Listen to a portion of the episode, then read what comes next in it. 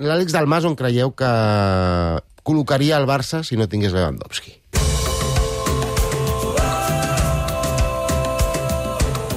Ja no ens alimenten molles, ja volem el pa sencer.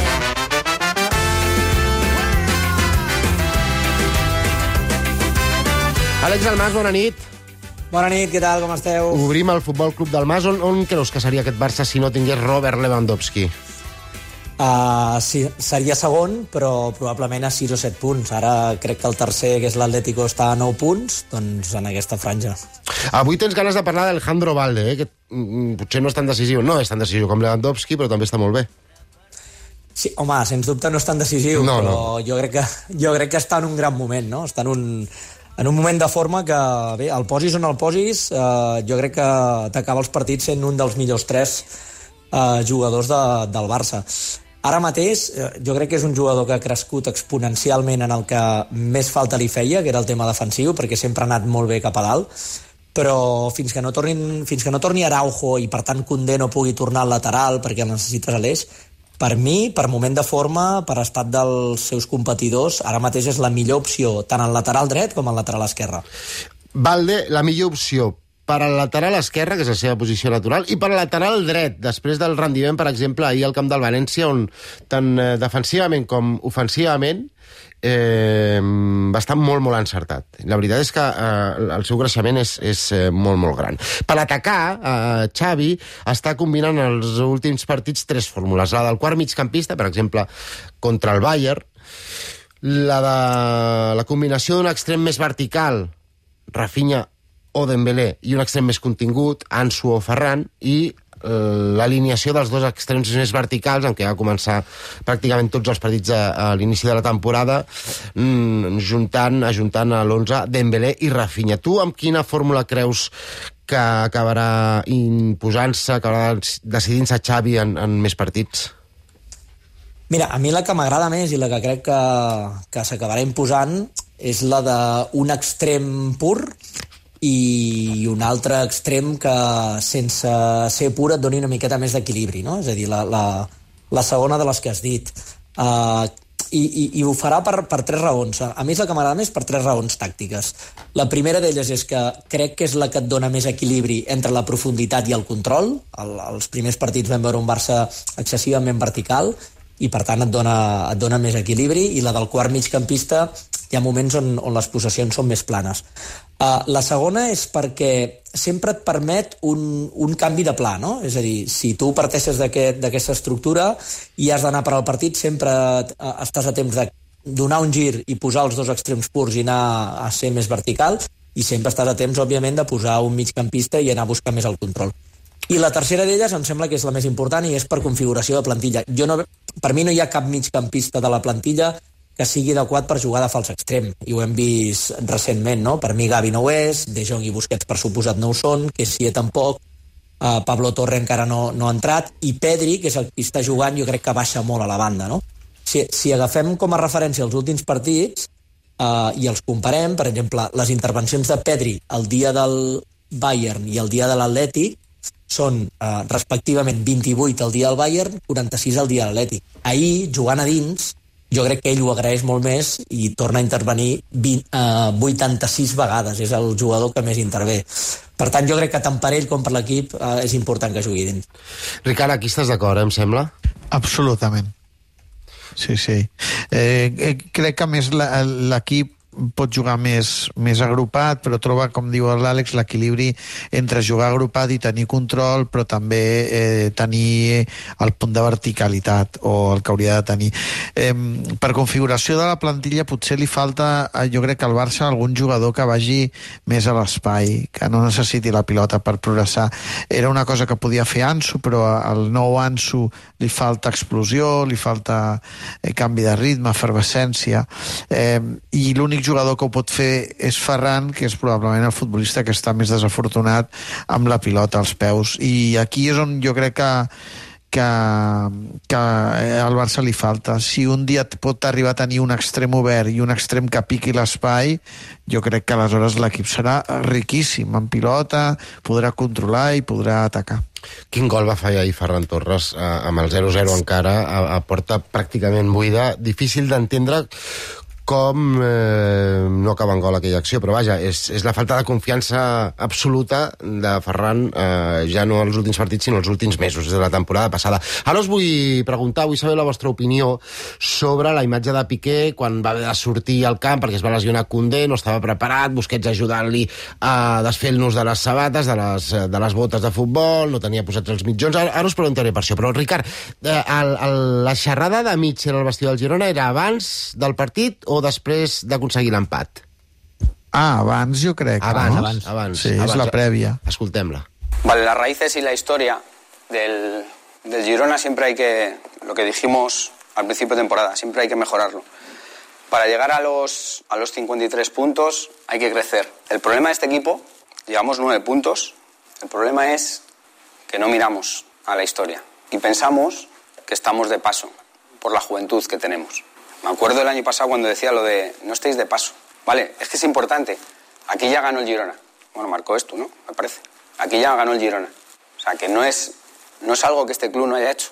Que no le deis importancia a este club. Vuestro crecimiento no va a ser en el error. Va a ser en que te duela perder con el Girona. Aquest és Mitchell, el vestidor del Girona, al Santiago Bernabéu, minuts abans que el seu equip jugués i acabés empatant contra el Madrid d'Ancelotti, campió de tot, demanant que els seus equip, que els seus jugadors Jo crec, tinguessin Xavi, consciència perdona. d'on són i d'on juguen. Crec que és a l'hotel, eh? És a l'hotel. Per, per les imatges que he vist fa la sensació que és l'hotel perquè, perquè és una sala molt gran i els jugadors no estan, estan com en, saps, la, la típica sala, Sí, que estan sí, en sí. fileres. Sí, sí, sí. O sigui, no és la prèvia al partit, sinó és la prèvia a la sortida cap al Bernabéu. Correcte. En tot cas, és una de les xerrades de Mitchell cap als seus jugadors. És interessant com eh, intenta que siguin conscients que s'estan jugant eh, mantenir-se a primera i que això no, no és una aventura on només eh, toqui gaudir-la, passar-ho bé i si les coses surten bé, perfecte, i si no surten bé, doncs no estan obligats a res. No, no, aquí hi ha obligació i exigència. I avui el Girona ha aconseguit treure un empat del Santiago Bernabéu. Tema Piqué. Eh, ahir la, la Sònia Gelma va fer un exercici absolut d'empatia, que no és tan habitual, No, quan vol, amb el bar no, en Piqué sí. va mirar Amb d'entendre... amb el bar he tingut molta paciència, perquè Ricard. Prou. a, a Piqué li pot passar que no estigui llest per sortir quan l'equip el necessita i eh, en principi ha de ser la seva obligació. No tenia les cordes, les eh, botes posades. Hi havia un nus al, als cordons de les botes que no s'havia desfer, el va haver de jugar amb la boca a Busquets. No tenia els mitjons posats, que això no és la primera vegada, ni les canyalleres, que si m'apures és el menys greu. Uri, vull saber què en penses de tot això. jo també el puc arribar a entendre una miqueta. El problema de Piqué és que ja van haver aquelles imatges del dia que hi de Jordi Alba, a la banqueta, que també anàvem, no anàvem amb les mitxetes. Sí. Eh, tens les imatges de la setmana passada que, va, que van sortir, de que el calentament Sí. eh, no es movia del, del banderí de córner. I llavors, clar, va sumant, llavors jo entenc que la gent pugui estar molt molesta, sobretot les imatges aquestes de Busquets eh, aquí deslligant-li la, les botes però aviam, mm, potser podríem mirar algun partit de fa 4, 5 o 10 anys de Piqué que ha sigut suplent i potser seria el mateix. Potser també anava amb, amb xancles en lloc d'en botes, sense ja. les espinilleres... El que passa que ara doncs, prou Però, sobremullat. però això no ho hauríem de, De fet- permetre, no? O sigui, Però per què els futbolistes professionals han d'anar vestits com si estiguessin a la sauna en lloc d'una banqueta per sortir a jugar? No ho entenc, això. No, no, no s'entén. Uh, ara que l'Oriol deia això, uh, i potser em falla la memòria, eh, però m'ajudareu. Si no m'equivoco, Piqué debuta amb el Barça contra el Wisla Cracòvia Sí. en una prèvia de sí, Champions. Sí, sí, i Guardiola s'enfada amb ell. I ha d'entrar i Guardiola li fot una bronca del 15. Home, no anava amb xancles com ahir i Busquets no li va haver de descordar les botes, però va tardar la vida. Tens tota la raó. Vull dir que eh, no és que Piqué ho faci ara perquè li rellisca tot. Ara, és, és impropi d'un professional estar a la banqueta sense estar preparat per entrar. I, Vaja, jo, que, eh. el que per mi el més inexplicable és que els, els colons estiguin lligats. Això Sí, el no sí, sí, entenc, sí, però sí. bueno.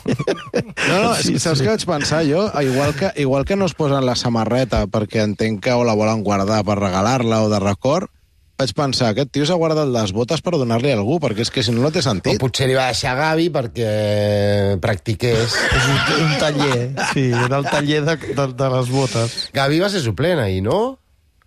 Sí. Sí, sí. Doncs mira, No ja, sé, no no sabem sé. què, vas, què estava fent, o potser és una hipòtesi. Àlex, a tu això no t'ha passat mai. Poques vegades eres suplent, però quan eres estaves preparat. Alguna, alguna ho era, alguna ho era, i tant. Uh, no, no m'ha passat, no m'ha passat. I jo crec que això és una cosa que s'ha heredat d'èpoques o de fa molts anys i que el futbol s'hauria de posar fort, eh? Jo crec Però, que no Àlex, el futbol amateur, els suplents també, també, també fan aquest protocol? No tant, no tant. Tot i que algun, algun futbolista que porta les botes molt apretades i, i que ho porta tot molt ajustat, sí que prefereix per comoditat doncs, doncs tenir-les a un costat.